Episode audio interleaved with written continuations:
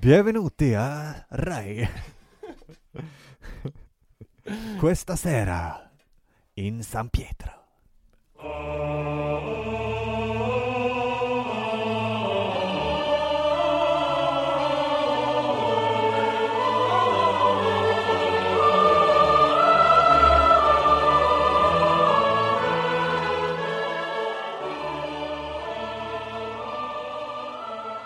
Ja, men välkomna Stanotte till Alla Tiders Podcast. Tack så Det mycket. betyder väl den här natten? Japp.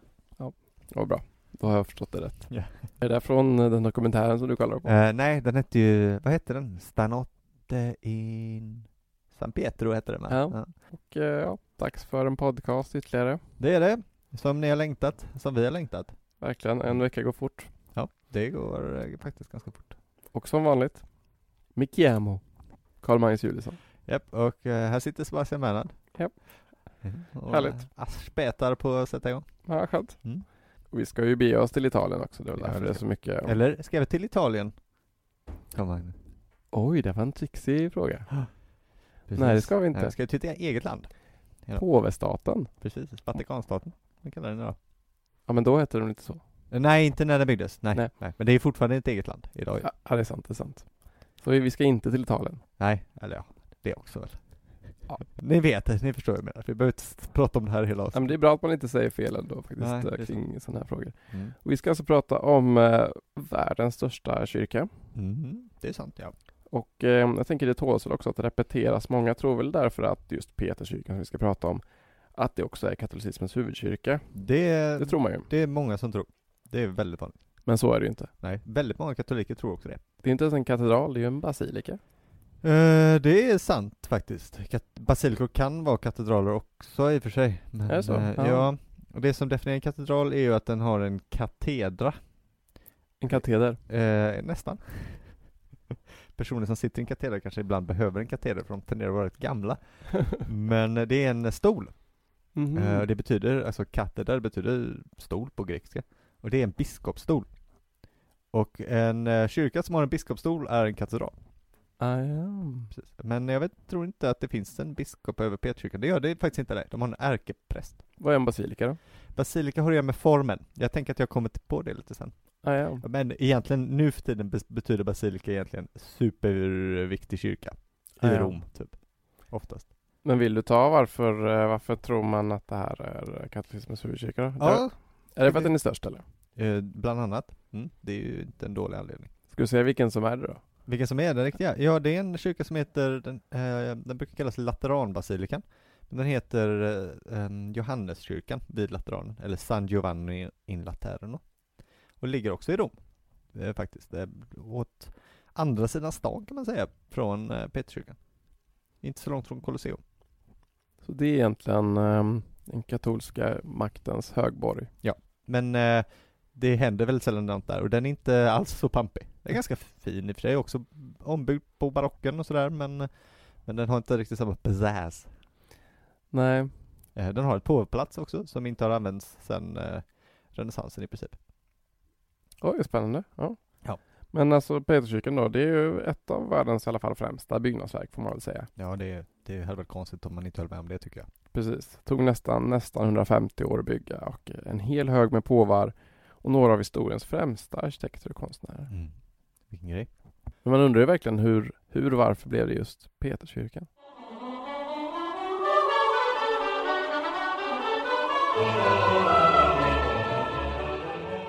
Ska vi backa bandet ända till början? Långt innan eh, Peterskyrkan byggdes.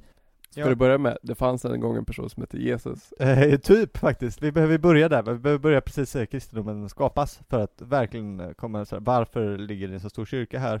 Alltså, och eh, det kanske inte folk tänker på ibland, hur kommer det till sig att det finns en påve överhuvudtaget? För det, de är väldigt eh, nära förknippade, Peterskyrkan och eh, påveämbetet ju. Ah, ja. Det är så här det fanns eh, en kille som hette Simon. Och han var en av Jesus lärjungar, kanske man känner till. Han hade en bror som hette Andreas. Eh, det är de två, de träffar Jesus vid eh, sjön, vid Galileasjön. Och där kommer, finns en liten ordvits, kanske med, eh, som är, den funkar inte så bra på svenska så jag får nästan säga den mer på engelska för att det ska gå, men då säger han, de är fiskare då. Simon och hans bror Andreas. Och så säger han till er att ni ska inte längre vara fishermen, utan fishers of men. Uh, Mm. Jag kommer inte ihåg vad det är på grekiska, men det, det funkar då också liksom att man gör den. man fiskar män istället. Ja, precis. Eller mm, potentiella lärjungar. Ja, exakt. Precis. Eh, och det är så här då att, eh, så Simon är en lärjunge och henne är de närmsta. Och eh, då får man gå till Matteus evangeliet kapitel 16. Och då säger eh, Jesus så här till Simon efter att Simon har varit den första att säga att Jesus är Guds son. Så det är lite där det bygger på det här. Och det är härifrån allt kommer, så det här är en väldigt, väldigt viktig passage. Kanske en av de viktigaste i eh, all litteratur som har haft påverkan på världen. om man säger så. Oj. Ehm, så här. Salig är du Simon Barjona, ty ingen av kött och blod har uppenbarat detta för dig, utan min fader i himmelen. Och jag säger dig att du är klippan, och på denna klippa ska jag bygga min kyrka, och dödsrikets portar ska aldrig få makt över den. Jag ska ge dig nycklarna till himmelriket. Allt du binder på jorden ska vara bundet i himmelen, och allt du löser på jorden ska vara löst i himmelen. Okej. Och då är det så här va, då undrar man, ha, vad fan betyder det här då? Eller vad har det här med det här att göra? Snarare kanske. Ja, det undrar man ju. Mm. Men det är då så här att Nya Testamentet är skrivet på grekiska. Ja. Och på grekiska så är ordet för klippa, eh, det är Petra, men i maskulin namnform blir det Petros. Eller Petrus på latin, som man säger. Så alltså är Simon Barjona Petrus. Och Petrus betyder klippa. Ja. Och det är då från det här citatet som katolska kyrkan anser att Petrus är den främsta av apostlarna. Att han är klippan på vilken då kyrkan vilar. Eh, och påven är ju Petrus efterträdare. Det var en liten twist där att eh, först pratade om Simon där. Man känner ju till Petrus. Just det. Känner man ju till Petrus och Paulus. Men eh.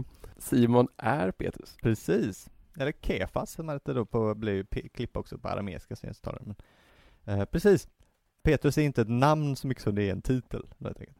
Eh, Paulus hette ju inte Paulus från början heller i och för sig, men det kan vi ta en toast om honom. Saul.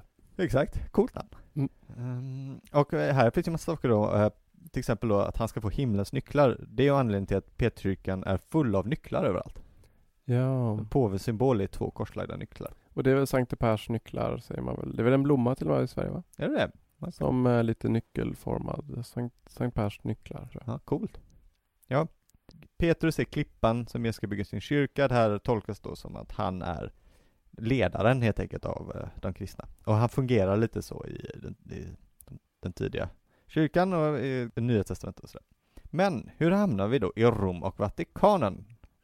Det är ju en bra fråga nu då. Ja, För Peter, det här, Jesus bor väl i Nasaret och sånt där. ja, och dör i Jerusalem. Ja. Ja, då är det så att eh, efter att Paulus hade åkt runt och kristnat folk höger och vänster, bland annat i Rom, så åker Petrus också till Rom. För att sprida kristendomen eh, och bli stadens eh, alltså andliga ledare. Rom är ju huvudstaden, så det är klart, det, det är ju bra att börja, att börja där liksom. Och eh, det händer, och blir en, en lite tragisk historia då, att 64 efter Kristus så bryter ju den stora branden ut i Rom, som är känd. Eh, Som man brukar skylla på Nero va? Exakt. Enligt legenden ska han ha stått och sjungit om Trojas fall medan staden brann. Det var en jättestor brand. Ser ut att han anlade den också väl? Ja, precis. För att han, det blev så att han byggde ett stort palats där den hade härjat. Tacksamt nog. Eh, Men Nero behövde ju någon att skylla på och då menar han ju till den här nya sekten kristna som har varit framme va? Och busat. Så att han börjar förfölja och avrätta kristna. Det här är den första eh, stora romerska förföljelsen av eh, kristna. Så det är den första anledningen till att de, för, att de förföljer kristna? Ja, precis. Aha. Den är väldigt ny. Det här vet vi också från romerska källor, Tacitus bland annat och sådär, så att det, det, är inget, det, det går att eh, säkerställa liksom. Eh, och här finns en annan känd passage som jag tycker är värd att nämna. Eh, Den är, ja, den dyker upp sådär i kulturlitteratur och, och det är då att Petrus, han får ju höra om de här förföljelserna och blir han lite skraj va? Eh, Så han sticker, han tänker att han ska sticka från Rom.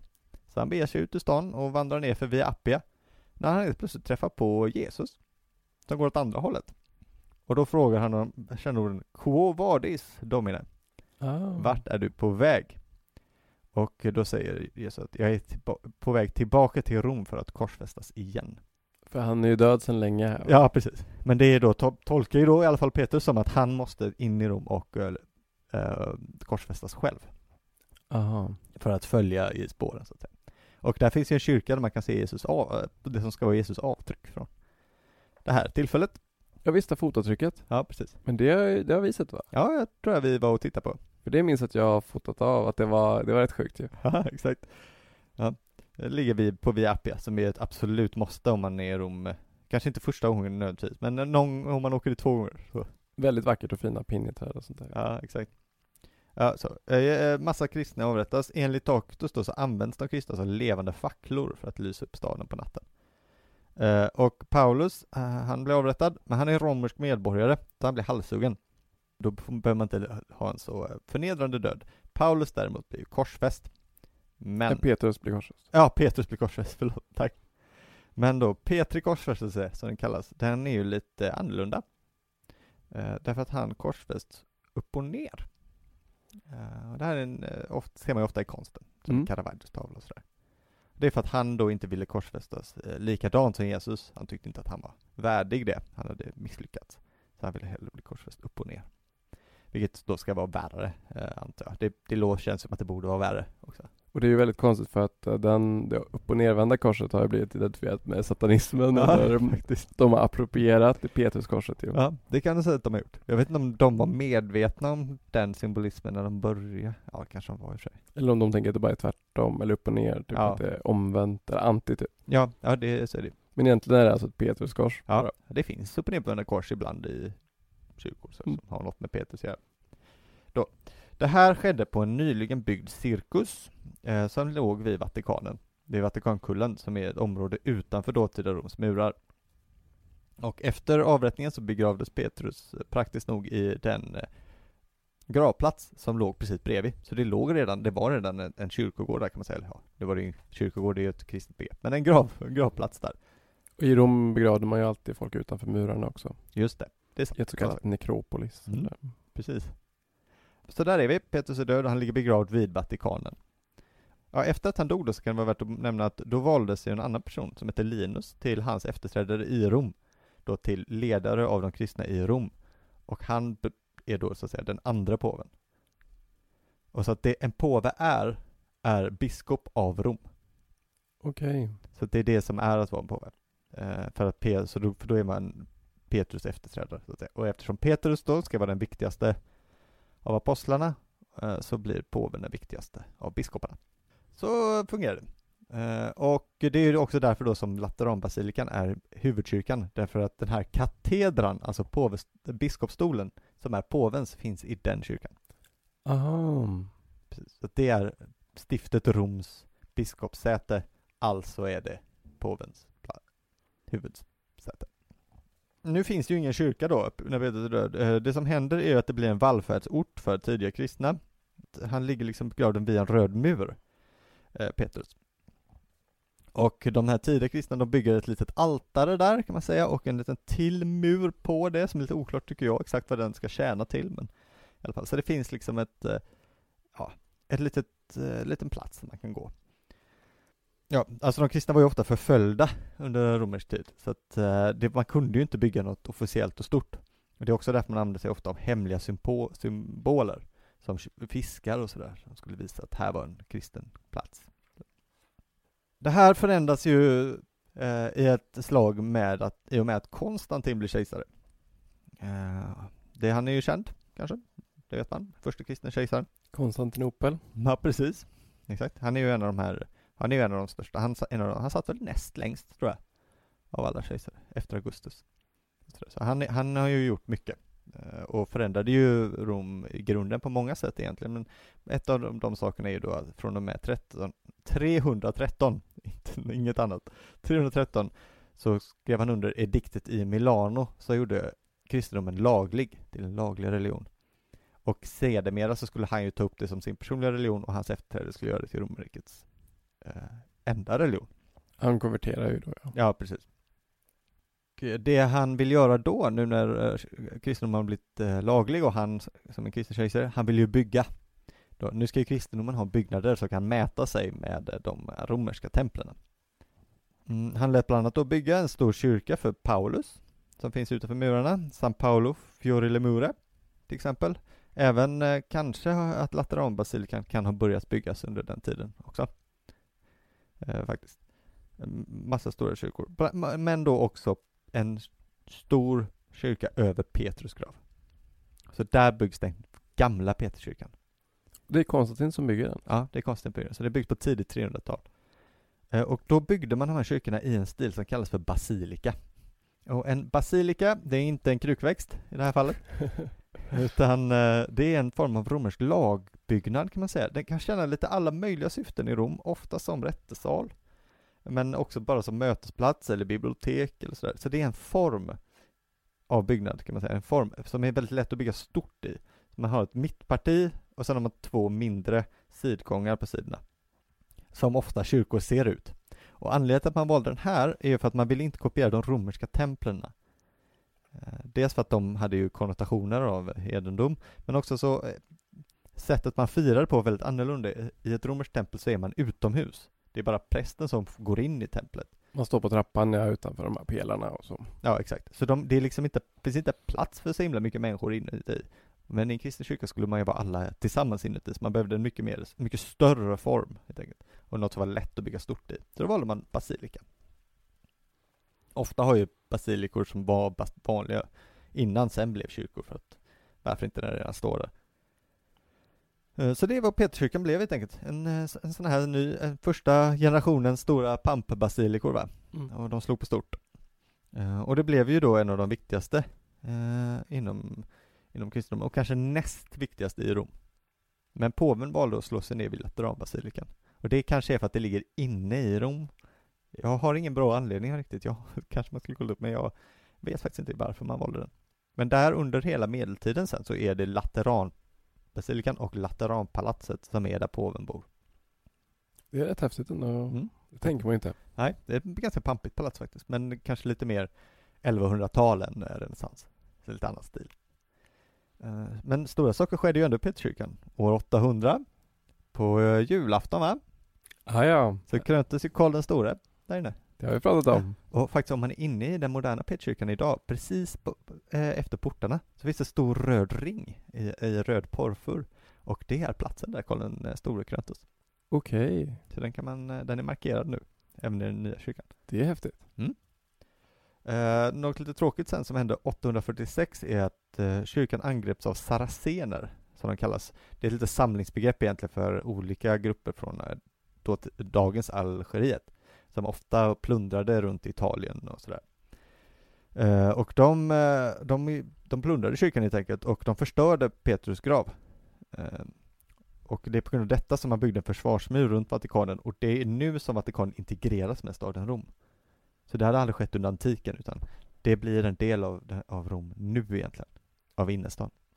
Okej, för, för att skydda sig då mot angrepp då. Ja precis. Det här var det, det visade sig att det här skulle vara det sista angreppet så att man kanske inte behövde egentligen. Det är även nu Ostia förstörs faktiskt för sista gången Ah, som det ja. lämnas.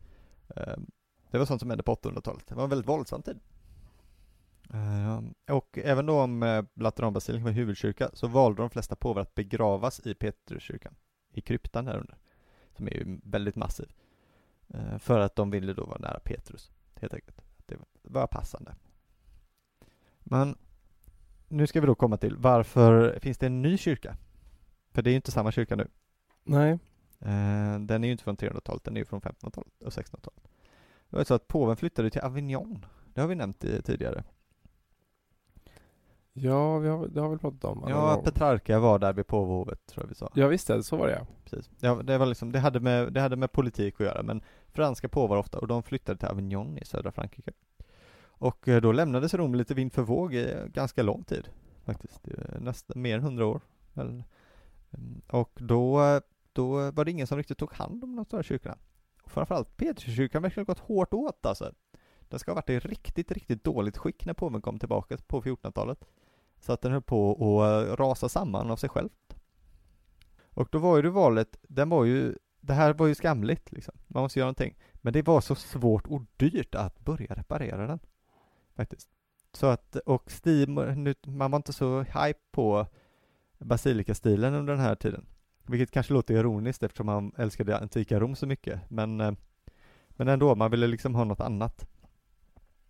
Man ville ha en eh, cool, något nytt och fräscht. Så att eh, det är, du kanske kommer komma in på det mer, men man bestämmer sig för att riva kyrkan. Men kanske lite mer om det sen. Men jag tänkte innan kan det också, innan vi går in på det hårt, kan det vara värt att nämna varför Peterskyrkan ju nu är, är huvudkyrka i pra- praxis, även om det inte är det i teorin. Och det är ju reformationen som är en stor anledning till det. Reformationen, de säger ju nej till påven nu. Eh, det vill säga, och, eh, och tycker ju att det här citatet jag hade från Nya Testamentet innan, det, det är annorlunda, det är mer, man menar inte på det sättet och sådär. Eh, och som vi sa i vårt ett annat avsnitt, avsnitt två, så, så kom det ju en rörelse som kallas för kontrareformationen, en katolsk rörelse, och dens generella svar på protestantismens klagomål var ju att göra tvärtom. Så till exempel att protestantismen sa att helgon, eh, det är fel. Så funkar det inte. Ska man ha mer helgon? Och vi ska ha, de, ska, de ska ha pampigare gravar och det ska vara mer guld och grejer. Och då, kyrkorna, de är för stora och för pråliga. Ja, titta här nu, nu ska ni få se. Nu ska ni få se på prål va? Du tyckte att Peterskyrkan var stor? Vänta bara. Ja, exakt. Och eh, påven, ja, men, det ska, påven, han ska vara, han ska ha mer makt. Och då väljer man att du väljer just Peterskyrkan som sin kyrka, därför att den är ju så starkt knuten till påvändetets auktoritet. Så det är det det handlar om. Okej, det är att göra påven mer påvig. Precis. Påven är, är inte bara, han är inte först bland jämlika bara, han är liksom, han är superduper bäst. Mm. Och då vill, då vill man ha att Peterskyrkan ska vara pampigast, Vatikanpalatset det ska vara störst och här ska påven visa vem det är som bestämmer va. Så det, så ligger det till ungefär. Ja, vad grymt. Mm.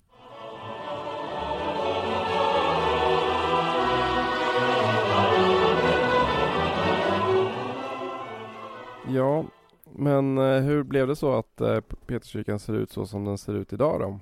Det som vi kan se. Ja, det är en bra fråga. Ja, vi har ju tidigare i vårt eh, Bernini-avsnitt då pratat om staden Rom och hur det Rom vi ser idag ju väldigt mycket kom till under 1500-talet och inte minst under barockens 1600-tal. Men innan dess då? Jo, under mitten av 1400-talet så beskrivs Rom lite som du sa då som knappt funktionsduglig ens. Tråkigt. År 1450 inträffar en eh, berömd katastrof på Castel Sant'Angelo-bron. Som ju liksom, den bron har ju alltid haft eh, mycket folk på sig och försäljare och eh, precis som det är idag så har ju det alltid varit asmycket folk på den bron. Så tänk på det om ni står där och klagar på, vad har hänt här med massturism och folk här och försöker pracka på med massa skit. Och tiggare och. Det är så det ska vara, det är liksom, det, det, det är då du upplever den sanna historien. ja, det är som det alltid har varit att säga. Men den här bron då, den föll sönder och hundratals människor dog. Ja, det är sorgligt.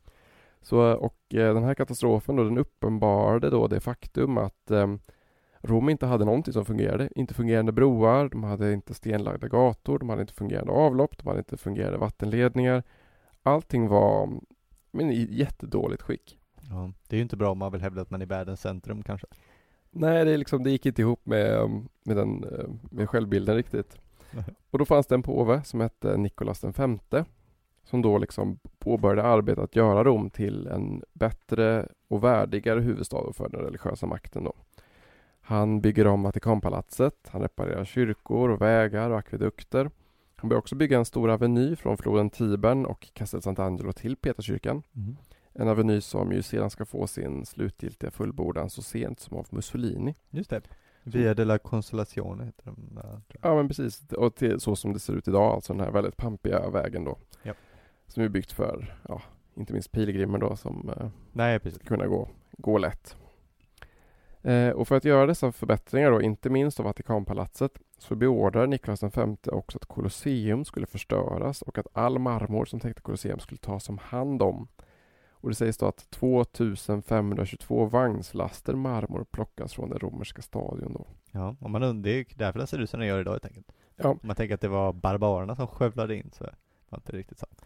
Nej men det är väldigt intressant tycker jag liksom alltså, och viktigt att påminna sig om att de antika lämningarna i Rom de har inte alltid sett ut som de gör idag. Nej. Alltså de, det är inte så att de såg ut så på romartiden och idag ser de ut så, så som de gör liksom. Nej. Utan för 500 år sedan ungefär så var de mycket, mycket bättre bevarade. Men de plundrades på sin sten då för att bygga upp det barocka Rom. Just det. Så vi ser alltså idag ruiner av ruiner kan man säga. Ja, exakt. Vilket är väldigt, alltså tänk om, tänk om Colosseum hade varit täckt av marmor. Ja, det hade varit roligt. Det hade nog varit asfint. Ja, men då hade du inte fått något annat. Ja, det är sant. Man får ta det som det Ja, men så här, you win some, you lose some. Ja, exakt. Barocken är också fin. Väldigt, väldigt fin. Men ungefär då 100 år efter den här Nikolas V då, så kom det en eh, påve som heter Paulus III och eh, han gav också rätten att plundra alla antika byggnader på sten då. Det är de som försatte Forum Romanum i det tillstånd som den har idag. Liksom. Det. Och eh, som ni vet bronset på Berninis stora baldakin i Peterskyrkan är byggd av brons från Pantheon och så vidare och så vidare. Ja. Ja, så att eh, det är därför lämningarna ser ut som de gör. Ja, det finns ett roligt uttryck från det från en, en påve av Barberini-familjen. Så ska det skrivas en pasquinad för de som har lyssnat på andra avsnitt. Som var um, Quid non faciunt barbari, faciunt barberini. Alltså det som inte barbarerna gjorde, det gjorde Barberini. Precis, de plundrade också Rom. Ja, exakt. Får man säga. Men påven Niklas V då. Det är också han då som vid mitten av 1400-talet då först la fram idéer och tankar om att bygga om Peterskyrkan. Han hade bland annat fått eh, råd och inspiration av en av den här tidens främsta arkitekter som heter Leone Battista Alberti. Mm. Han är berömd inte minst som den som uppfann centralperspektivet. Just det, det är inte dåligt. Det är inte dåligt. Men eh, deras planer då för att bygga om Peterskyrkan blir det inget av. Men de kom faktiskt att inspirera bygget av många av de andra kyrkorna i Rom, alltså då, efter den här tiden. Liksom. Mm. Så att det fick någon form av effekt i alla fall i stadsbilden. Det var skönt. Men om vi ska gå till när det här bygget av Peterskyrkan verkligen tar vid måste vi röra oss ungefär 50 år framåt i tiden till en påve som heter Julius den andre. Just det. Eller Giuliano della Rovere som han egentligen hette. Mm. mhm. Han var då påve mellan 1503 och 1513. Och eh, ska man kunna en påve från den här tiden så är det Julius den andre som man borde ha koll på tycker jag. Tycker du det? Ja, jo, han har gjort, eh, gjort mycket grejer. Även om Sixtus V och Leo den tionde också är väldigt bra Ja. att kunna. De är faktiskt ganska roliga allihop, eh, bara på sina ganska extroverta levnadssätt. Verkligen. Men de, det är så mycket i Rom som, eh, som man har de här att tacka för. Liksom. Mhm. Julius den andre han tog inte sitt namn från påve Julius den första utan från Julius Caesar. Mm. Det kan man göra också. Det är en kul eh, kuriosa. Ja. Han har kallats krigarpåven och var, den, och var den första påve på flera hundra år att bära skägg. Mm. Ja, det är kontroversiellt. Ja, och det var ett tecken då på, på sorg efter revolten i Bologna. Ja, tråkigt. Mm. Men annars, innan dess hade de inte skägg och inte så mycket efteråt heller va? Nej, nej, det var väl länge sedan det var någon med skägg nu. Jag försöker plö, plöja igenom mitt påvegalleri här. Nej, det är nästan ingen som har skägg, inte på flera hundra år. Nej. Och Leo den tionde är ju bara rakad så att säga. Mm. Men eh, Julius II han har beskrivits som våldsam, lättretlig och oförutsägbar. Och Machiavelli beskrev honom som idealprinsen. Ja, det säger väl en del. Men Julius II är också högrenässansens främste konstmecenat Mm. och hade en av eh, den tidigare renässansens främsta arkitekter, Donato Bramante, som eh, huvudarkitekt. Ja, det är coolt. Han utökade Vatikanpalatset så att det skulle inkludera även Belvedere-palatset. Och eh, kanske var han lite inspirerad av just det här påvepalatset i Avignon som du nämnde. Ja, Han hade jobbat som legat där. okej. Ja, det är ju väldigt pråligt det, även om det då är lite medeltida så Mm. det är en väldigt annan stil. Men det är ju, det är ju pampigt alltså. Och du har ju varit där och kikat. Mm. Ja, det är väldigt fint. Så han ville väl göra om eh, Vatikanpalatset i Rom då lite efter, efter den, eh, den grandören. Just det. Också han som grundade Vatikanmuseet 1506. Ja, det är inte dumt heller. 1508 såg han till att eh, Rafael började dekorera hans privata lägenheter i Vatikanpalatset. Mm. Jo, det är en stor grej. Han såg till att Michelangelo började måla taket i Sixtinska kapellet. Ja, så där. Sixtinska kapellet byggdes ju av påve Sixtus V. Men då hade det sett en stjärnhimmel som tak. Ja, det är sant. Men ja, ni hör ju. Han, eh, renässansens allra främsta konstnär, jobbade alla för Julius II och hans eh, beställningsjobb är idag bland konsthistoriens allra främsta verk någonsin. Ja, det ska han ha. Ska ju verkligen ha. Ja. Och förutom detta så började han då 1506 också ombyggnationen av världens största kyrka, Peterskyrkan, så att den skulle bli ännu större. Ja. Och jobbet gick då såklart till hans huvudarkitekt Donato Bramante som då fick i uppdrag att börja riva en kyrka som stått då i det 1100 år kanske. Ja, något sånt ja. Just det. Och det ska ta nästan eh, 150 år då att bygga det som vi ska se idag. Ja. Ehm, Michelangelo fick ju även uppdraget att göra hans eh, Julius IIs eh, kolossala grav. Just det. Den var ju tänkt att vara i Peterskyrkan. Den skulle vara otroligt stor. Men den blev aldrig så stor som han hade velat och den hamnade väl till slut i kyrkan San Pietro in Vincoli istället va? Ja, det är sant. Som ju också är en Petrukyrka då. Men... Mm. Men så det blev inte riktigt som han, han önskade. Mm. Um, en rolig detalj är att Michelangelo var ofta väldigt motvillig till alla arbeten han fick. Ja, det är sant. Han ville inte göra någonting av det som de ville att han skulle göra. Julius var ju väldigt bestämd. Ja. Det är väldigt kul, de här, om man har sett Michelangelos slavar, som han har gjort, de är, finns ju utspridda lite över hela världen egentligen. De skulle ju varit till den här graven egentligen. Ja, finns de- väl tre på Louvren va, tror jag? Ja, det finns, det finns det nog ja. Så är det väl fyra eller något i Florens, någon i Rom någonstans. Ja men de är så här, de är lite halvfärdiga också sådär. Men de skulle ju hört till det här monumentet. Ja, det, det, alltså det skulle ju vara hur stort som helst liksom. Ja. Enligt eh, Michelangelos eh, levnadsteckare Condivi så var anledningen till att Julius II ville bygga om Peterskyrkan just att Julius II ville ha en passande plats för sin egen grav. Ah, ja, okej. Ja. Men, men som vi nämnt var det ett projekt som varit uppe på tal innan, alltså sedan, Jo, sedan Niklas V. så det kanske är lite överdrivet. Men det kan ju ha varit både och så att Ja. säga. Han var optimistisk också på tiden där, hur lång tid det skulle ta. Ja, verkligen, verkligen. Om han tänkte att han skulle hinna, hinna komma in. Det är, jag tycker alltid det är fascinerande med sådana här byggarbeten att man har så mycket tålamod. Ja, faktiskt. Ja. Det här ska vi sätta igång, när är det klart? Ja, om hundra år. Ja, men så här, när ingen av mina barn eller släktingar någon jag någonsin har känner kommer få se det liksom. Nej, precis. Då bygger man för evigheten. Ja, det är, fint. det är sant i och för sig. Kanske man gör, lägger lite extra tid på det. Men kanske. Och eh, den här då, Donato Bramante börjar alltså då riva den gamla kyrkan. Eh, hela basilikans norra sida ryker. Och eh, många tyckte faktiskt att han rev mer än vad han behövde. Okej. Även sånt som hade kunnat sparas. Eh, den store konstnären Rafael gav därför honom smeknamnet Bramante Ruinante. Kul. Men att han rev så mycket blev ju också lite ett incitament då att se till att bygga klart kyrkan. För att Ja. var ju, ja, när det inte fanns någonting så måste man ju bygga igen det så att säga. Ja, det ser ju dumt ut annars. Ja men verkligen. Och en liten detalj som är lite kul. Eh, och ett av Peterskyrkans kanske främsta konstverk är ju Pietà. Det är det. Som ligger precis till höger när man kommer in i Peterskyrkan. Och eh, den gjordes ju av Michelangelo 1498-1499 för ett kapell i just Peterskyrkan Mm. till en fransk kardinal som heter Jean de Billard. Och ehm, det är också det första konstverket av en stor renässanskonstnär att accepteras in i Peterskyrkan. Okej. Det är också det enda verk som Michelangelo faktiskt signerade. Just det, det såg jag på det här programmet jag såg. Ja, för enligt Vasari då ska Michelangelo ha hört någon säga att statyn var gjord av någon som hette Cristoforo Solari. Nej. Alltså han hörde det över axeln liksom på någon Ja. inne i kyrkan. Och eh, det gillade han inte alls.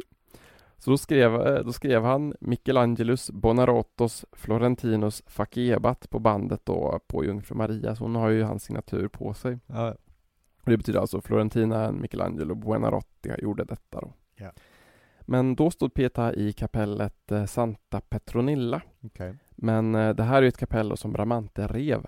Ja, Så sedan 1700-talet i alla fall står Pietà där den, alltså på det här stället då. ja, precis som man kommer in till höger väl. Ja, Den detta är ju fantastiska. otrolig faktiskt. Ja. Vilket praktverk alltså. Mm. Eh, Bramante, han la ju fram en massa olika ritningar såklart. Och eh, Julius II bestämde att formen på Peterskyrkan skulle vara ett grekiskt kors. Ja, just det. Och ett grekiskt kors har ju lika långa armar. Alltså att alla armar är lika långa så att säga. Precis. Grekiska kyr- eller ortodoxa kyrkor överlag är ju ofta mer lite runda i formen liksom. Ja, men precis. Och eh, Julius IIs grav då skulle då hamna i det som heter absiden då, var det Okej. tänkt. Alltså längst in då vid, bakom altaret va? Någonstans Jaha, var det där den skulle vara? Okej. Japp. Men idag är det faktiskt nästan inget kvar från Bramante och den här Della Rovere-perioden. Men för att de, för det mesta har ju byggts senare. Och, eh, men Bramantes ritningar spelade faktiskt fortfarande roll då. Okej. För eh, när Bramante dog gjorde en påve som hette Paulus III då Michelangelo ansvarig. Han fick då ta över det här arbetet. Återigen mot sin vilja. För Peterskyrkan. Ja. Jag lägger in, det finns en, innan vi kommer dit, det fanns ju en lite kort period när Rafael skulle varit ansvarig. Ja, just det. Eh, han hade ju tänkt att göra en helt annan grej, lite experimentell. Att det skulle vara som en skog av pelare som skulle vara helt mörk längst fram innan man kom in, utan fönster. Och sen skulle det bara vara fönster på altaret. Aha, wow. Det hade varit lite, det hade varit coolt kanske. Det hade inte funnits, funnits utrymme för så mycket annat där inne. Liksom, Nej. Kapell och gravar och sådär. Men Visst, men det tål också att säga att det, var, det är väldigt många arkitekter som har eh, jobbat på Peterskyrkan. Ja, Och de jag kommer ta upp är de som har gjort mest. Så att ja säga. alltså det blev ju inget av Rafaelsplanen. Nej men precis, och han var det väldigt kort också. Han dog ju ganska Ja. snabbt efter det. Så att eh, det är många som har haft det men inte hunnit göra stora skillnader. Nej. Så de jag kommer ta upp är de som syns och gjorde mest. Så att det, Det gör du rätt i. han var bra. men eh, Paulus III är också han som såg till att Michelangelo målade den yttersta domen då som ju är på ena väggen i Sixtinska kapellet. Det var på Clemens VII som hade beställt den men eh, man behövde fortfarande eh, se till att han också gjorde den för han ville ju inte göra den heller. Nej, det är klart. Men man kan ju inte säga emot eh, alla påvar hur länge som helst. Nej, nej. De kunde ju vara ganska hårdhänta också. Man säger inte emot dem. Nej. Men ehm, ja, Bramante är död och eh, Michelangelo har då tagit över den efter några om och men. Och ehm, någonting som ska byggas som då är ju väldigt, väldigt specifikt och väldigt viktigt för Peterskyrkan, det är ju dess eh, dom. Ja, det är ju Eller- tråkigt om det regnar in. Ja men precis, eller kupol eller om man nu ska säga på svenska. Och ehm, den är väldigt viktig för Peterskyrkan och dess utseende. Och den är inspirerad då av Pantheon i Rom ju, som fortfarande idag är den största kupolen i världen i ett stycke. Mm, tokigt. Den är gjuten i betong och ingenjörsmässigt oöverträffad. Ja, så eh, det kan ju någon försöka. Ja, någonting för Chalmers tycker jag. Ja. Men Peterskyrkan är faktiskt världens högsta kupol. ja, det är ju det är också bra ju. Den är 136,57 meter hög Mm, det är ganska högt. Och 41,47 meter i diameter. Ja. Pantheon är ju 43,3 meter i diameter, så Mm. eh, ja, det är två, två meter bredare då i diameter. Ja.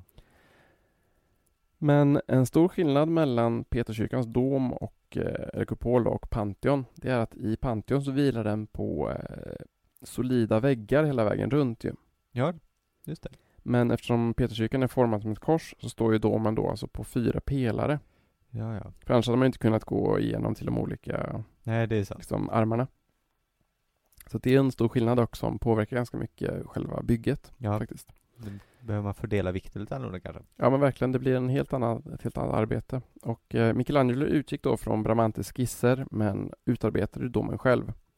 Och ehm, så det vi ser är ju faktiskt Michelangelos eh, liksom, version då av eh, Bramantes eh, skisser. Just det. Och den fullbordades sedan och byggdes klart 1590 Mm. av två arkitekter som heter Giacomo della Porta och Domenico Fontana. Ja, det tog tid också. Men det var ju under renässansen man lärde sig bygga stora äh, kupoler. Det var ju i äh, Brunelleschi i Florens ju. Ja, Man kom precis. på att man kunde göra det här, man gör två, man gör en insida och en utesida. Mm. Kan de luta sig på varandra. Ett annat arkitektoniskt mästerverk. Ja, faktiskt. Och eh, skapade ganska mycket eh, uppmärksamhet när den kom. Mm, kan man säga. Vi nämnde ju den här tanken att Peterskyrkan skulle vara formad som ett grekiskt kors. Mm, det var ju planen. Men så ser ju inte Peterskyrkan ut idag. Nej, det ju inte. Den har ju formen av ett latinskt kors som det heter, alltså där den vertikala linjen är ju längre än den horisontala. Just det, som ett kors. Ja. Ja, ett helt vanligt kors helt enkelt. Ja.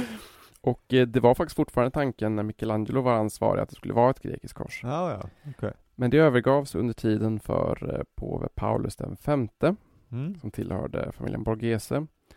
Och eh, det är han som har fått credden att i början på 1600-talet ha fullbordat Peterskyrkan. Just det, det står ju hans namn på utsidan med Det gör det. bokstäver. Det gör det faktiskt. Mm. Och anledningen till att de övergav det här var för att de, eh, de ville att den ursprungliga kon- konstantinska basilikan, alltså det som var den, ja, men den gamla basilikan, Ja. skulle byggas in i Peterskyrkan. Ja, ja, ja. Och för att göra det behövde man en ny fasad. Mm.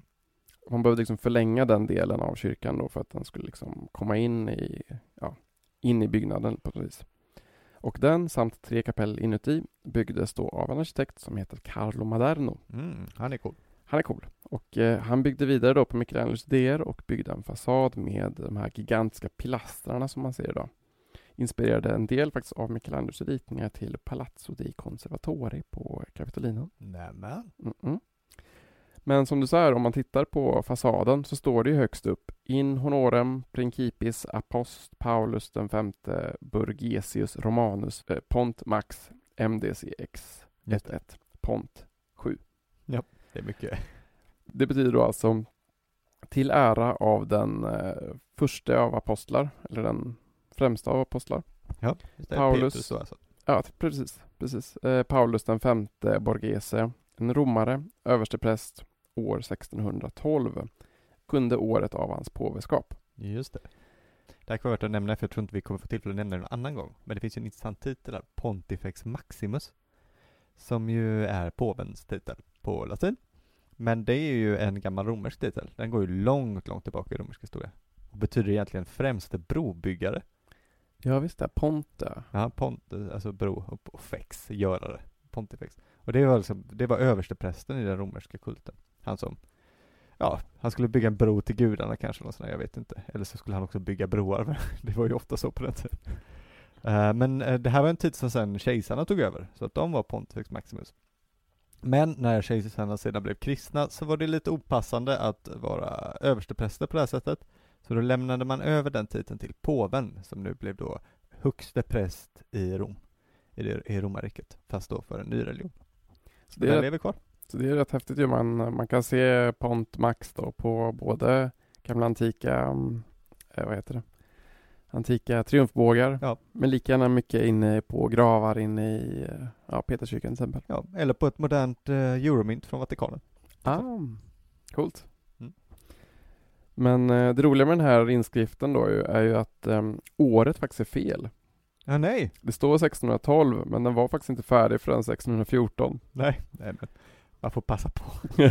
och eh, den här då talande statyn Pasquino som vi pratade om i vårt avsnitt om Aretino. Ja. Han sa då, konstigt, jag trodde att den var tillägnad Petrus. om inskriptionen då på Peterskyrkan. Just det. Han tyckte kanske att eh, Paulus den femte tog lite väl mycket um, fokus på sig. Ja, han hade ju en tendens att göra det. Ja. Han har ju, hans namn står ju plastrat lite här och var i stan. Så. Ja. kan man ju styla med om man är i Rom någon gång och ja, säga, ja men kolla där. Ser du vad det står där? Vet du vad det betyder? Ja, mm. då har ni det här. Ja, då lämnar din dejt dig omedelbart. Nej. Nej, jävla det. Ja, det hoppas jag inte. Men även om kyrkan nu mer eller mindre är klar är det fortfarande mycket kvar som ska göras. När eh, Carlo Maderno dör blir ju Gian Lorenzo Bernini ny chefsarkitekt. Han byggde då två klocktorn på varsin sida av eh, Madernos fasad till Peterskyrkan. Just det. det finns lite olika teorier som vi går igenom i vårt avsnitt om Bernini och Borromini. Eh, om varför de här eh, tornen inte är kvar ju. En av dem är ju att marken var lite instabil. Så kan det ha varit. Men vilken anledning än var så började det ena klocktornet att krackelera och blev tvunget att rivas. Och eh, för symmetrins skull så rev man även det andra. Ja, det är ju snyggt med symmetri. Ja, men det, det finns en alternativ värld som eh, där Peterskyrkan har haft två klocktorn också. Ja, han ville ju att de skulle vara riktigt höga också. Ja. ja. Och detta var ju ett hårt slag för Bernini, hans rykte och för hans trovärdighet.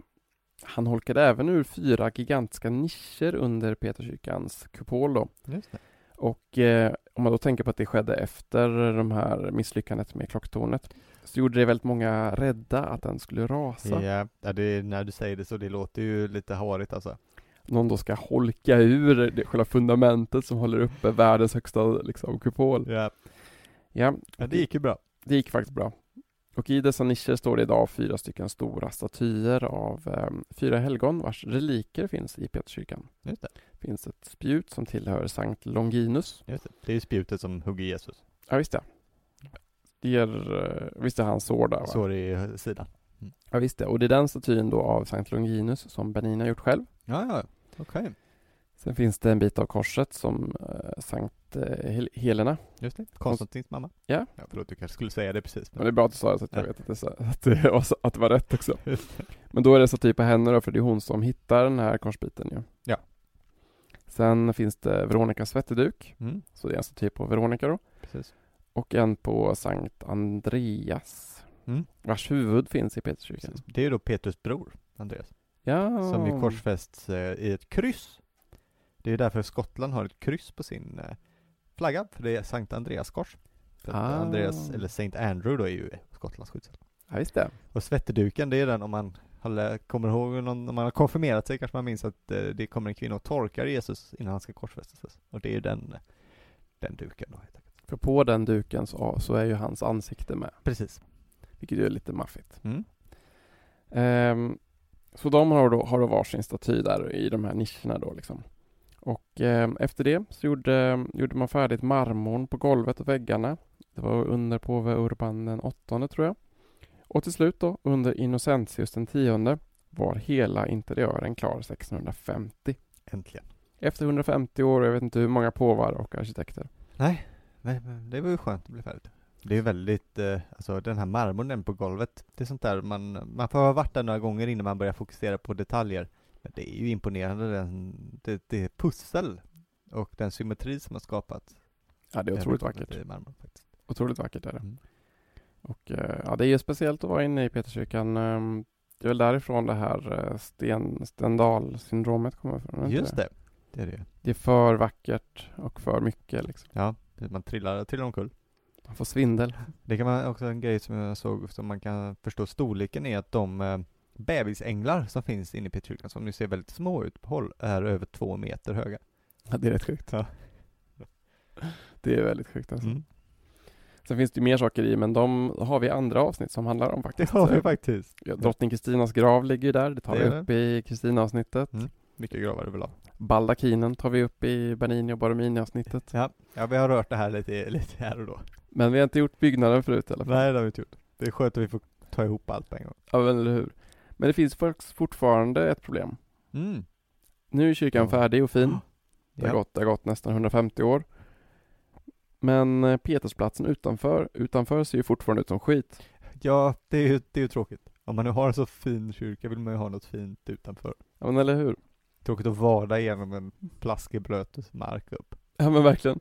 Och då finns det en påve som heter Alexander den sjunde som blivit påve året innan då. Han frågar då 1656 Bernini om inte han kunde bygga om torget också. Och ehm, ett problem då som han stod inför det var ju att eh, det stod ju en stor obelisk där. Ja, Samma obelisk som står där idag. Obeliskerna, de var ju tänkta som markeringar för pilgrimer att orientera sig efter. ja, är det därför de är runt så? Japp, så den ställdes ju där för att man skulle kunna se vilken kyrka man ska till liksom. Ja, det är ju bra. Och den här då alltså, den är 25,31 meter hög. Inklusive basen så är den 40 meter Mm. och väger Oj. 327 ton. Ah, shit, vad hög den är. Den är skithög. Ja. Och, ehm, och det är faktiskt den näst största obelisk som fortfarande står upp. Och den Okej. enda som aldrig har rasat. Nej, cool. Den har aldrig, alltså av eh, jordbävningar eller eh, sänkor eller krig så har den aldrig fallit. Nej. Den restes i eh, Heliopolis. Mm. Det är egyptiskt då, alla obelisker är Ja, egyptiska. Augustus flyttade den till Alexandria.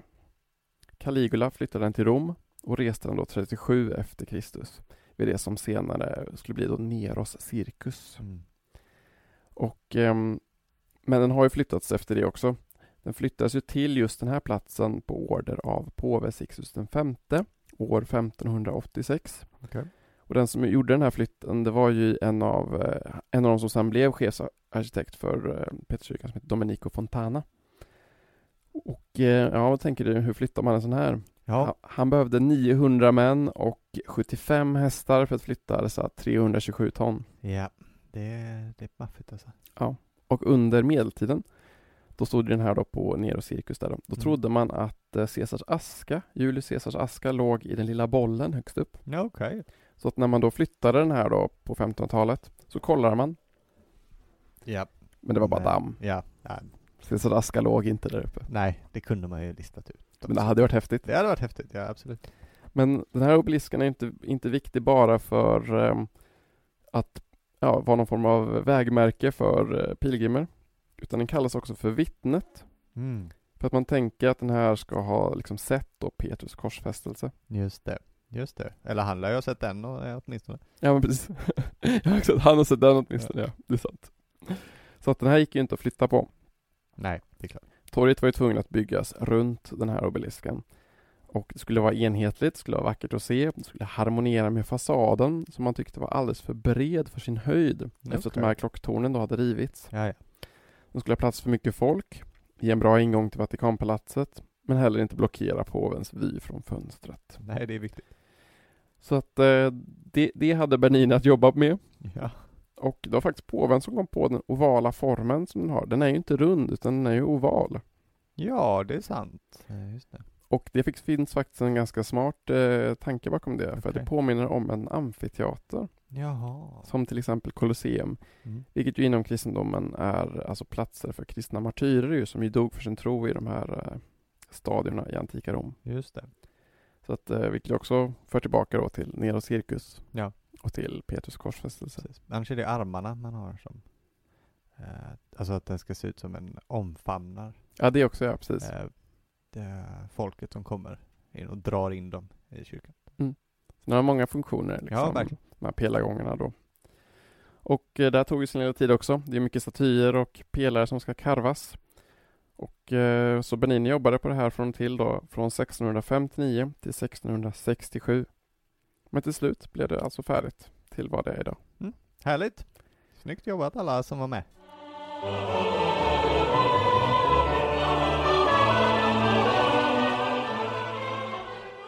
Mm.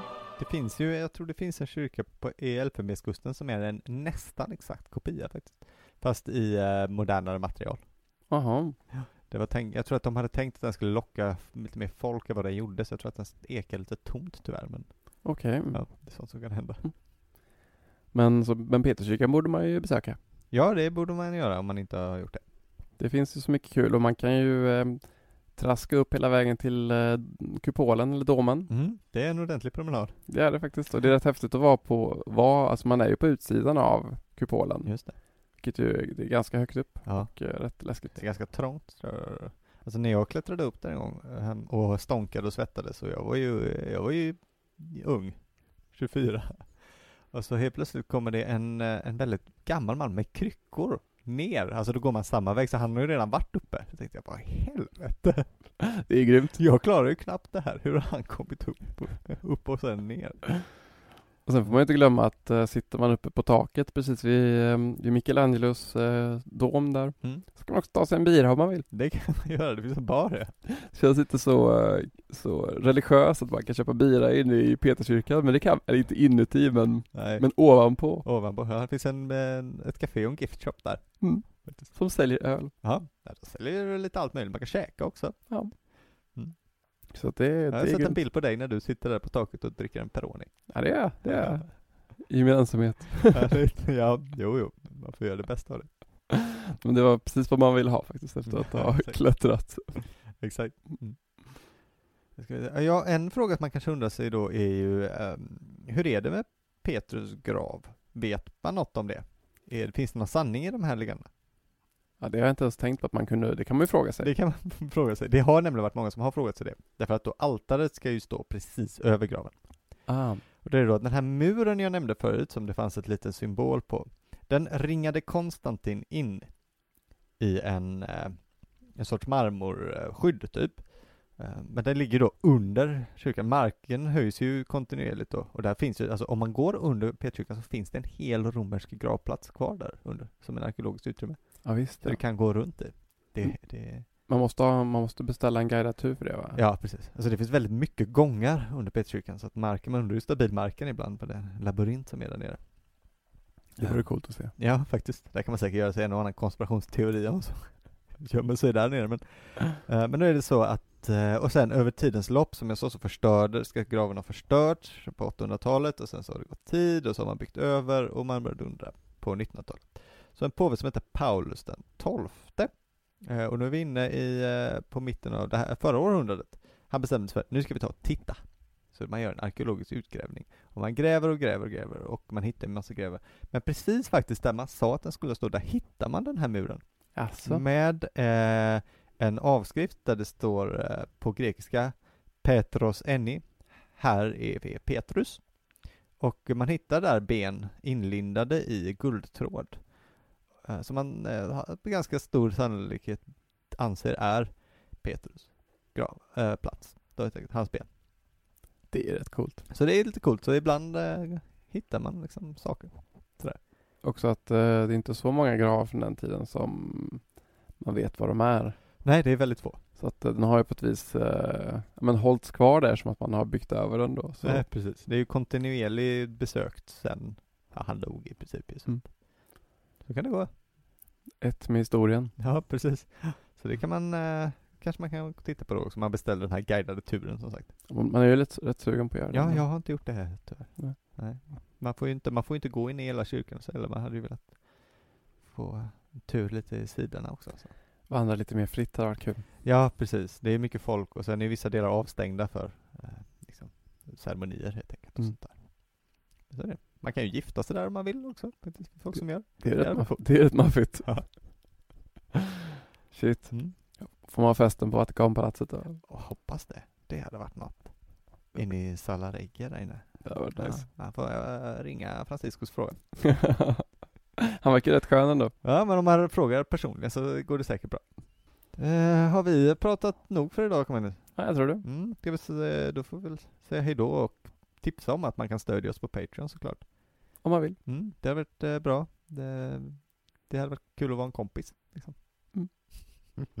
Eller swisha Sebastian bira. Ja, det kan man göra faktiskt. Vi tänkte nog att ta och kanske äta något, dricka lite öl va? Ja, det tror jag. Och tycker man, eh, du, det här var bra, så här tänker du nu som sitter och lyssnar. Gud vad trevligt avsnitt. Vilken trevlig podd. Jag önskar jag kunde göra någonting som skulle göra de här grabbarna riktigt glada. Tycker, då kan du ta och swisha det, det faktiskt till eh, 076 089 1982. Och vi lovar att varenda krona kommer gå till Storstark. Exakt, det, det svär vi på. Gött. Ja, då, då, då har vi pluggat. Ha det bra. Så säger vi hej då. Hej.